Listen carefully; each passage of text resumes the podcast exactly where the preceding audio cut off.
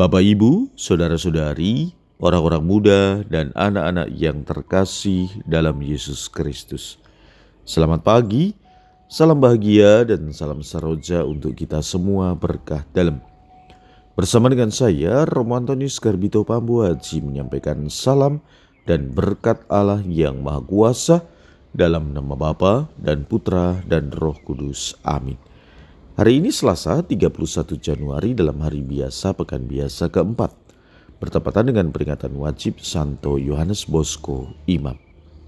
Bacaan pertama dalam liturgi hari ini diambil dari surat kepada orang Ibrani, bab 12 ayat 1 sampai dengan 4. Bacaan Injil diambil dari Injil Markus bab 5 ayat 21 sampai dengan 43.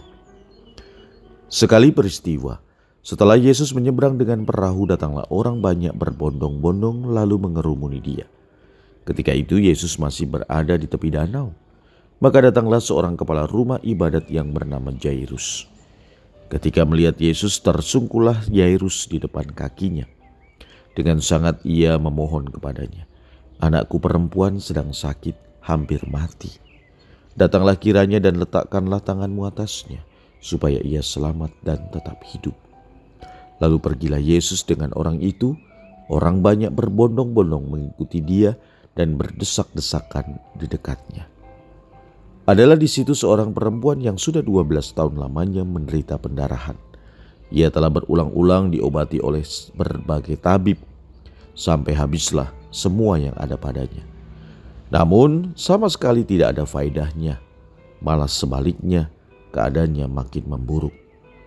Dia sudah mendengar berita-berita tentang Yesus. Maka di tengah-tengah orang banyak itu ia mendekati Yesus dari belakang dan menjamah jubahnya. Sebab katanya, asal ku jamah saja jubahnya aku akan sembuh. Sungguh, seketika itu juga berhentilah pendarahannya dan ia merasa badannya sudah sembuh dari penyakit itu. Pada ketika itu juga Yesus mengetahui bahwa ada tenaga yang keluar dari dirinya – Lalu ia berpaling di tengah orang banyak dan bertanya, "Siapa yang menjamah jubahku?"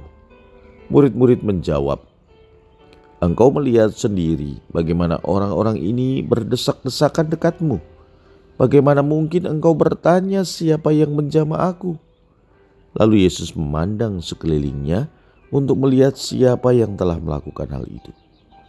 Maka perempuan tadi menjadi takut dan gemetar sebab ia mengetahui apa yang telah terjadi atas dirinya. Maka ia tampil dan tersungkur di depan Yesus. Dengan tulus ia memberitahukan segala sesuatu kepada Yesus. Maka kata Yesus kepada perempuan itu, "Hai anakku, imanmu telah menyelamatkan engkau. Pergilah dengan selamat dan sembuhlah dari penyakitmu." Ketika Yesus masih berbicara, datanglah orang dari keluarga kepala rumah ibadat itu dan berkata, anakmu sudah mati. Apa perlunya lagi engkau menyusahkan guru? Tetapi Yesus tidak menghiraukan perkataan mereka dan berkata kepada kepala rumah ibadat, "Jangan takut, percaya saja." Lalu Yesus tidak memperbolehkan seorang pun ikut serta kecuali Petrus, Yakobus dan Yohanes saudara Yakobus. Dan tibalah mereka di rumah kepala rumah ibadat dan di sana Yesus melihat orang-orang ribut, menangis dan meratap dengan suara nyari.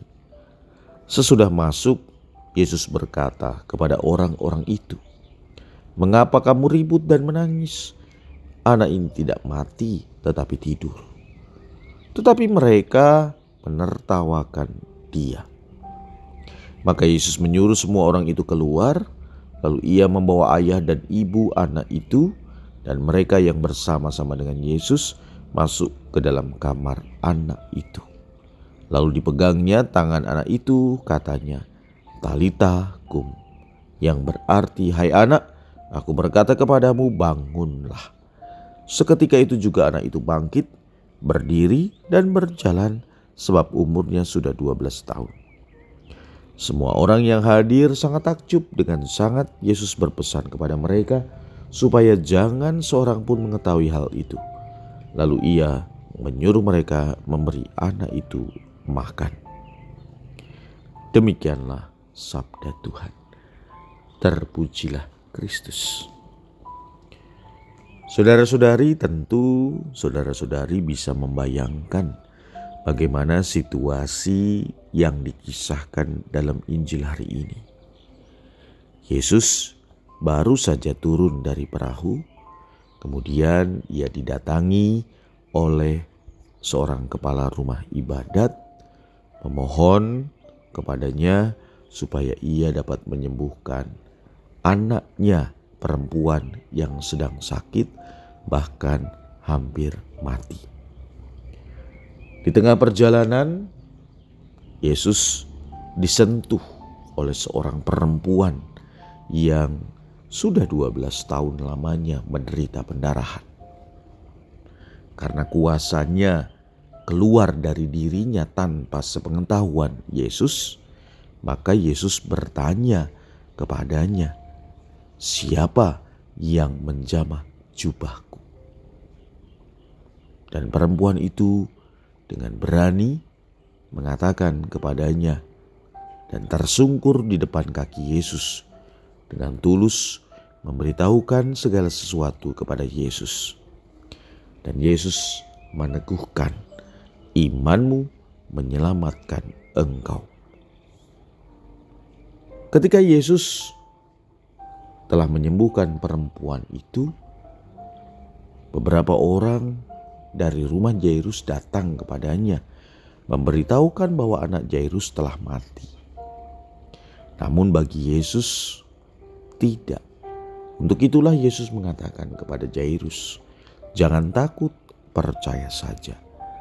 Dan selanjutnya, kita bisa melihat, mendengar, menyaksikan dengan iman bagaimana kemudian dengan kata-kata Yesus talit takum bangunlah anak itu. Saudara-saudari yang terkasih kisah Injil ini menggambarkan situasi sulit situasi yang pasti memunculkan ketakutan dan kesedihan bahkan keputusasaan dalam kehidupan, dalam pengalaman hidup yang sangat sulit dan menyakitkan, bisa jadi tidak mudah menemukan harapan. Ketika berhadapan dengan kesedihan, godaan untuk menyerah kepada keputusasaan sangat besar. Dan keputusasaan kalau terjadi akan hilanglah harapan. Dan keputusasaan juga bisa menjauhkan kita dari Tuhan dan bahkan melucuti iman kita. Namun, keputusasaan bisa dihindari ketika kita mengimani kata-kata Tuhan. Jangan takut, percaya saja. Marilah kita mengupayakan hidup kita untuk senantiasa mengembangkan iman kita dan karena berkat iman kita dapat menanggung kesulitan dengan rahmat, sukacita, dan pengharapan. Marilah kita berdoa. Ya Tuhan, semoga rahmat kekudusan membuat kami senantiasa bersukacita dan bergembira karena Engkau. Berkat Allah yang Maha Kuasa, dalam nama Bapa dan Putra dan Roh Kudus. Amin.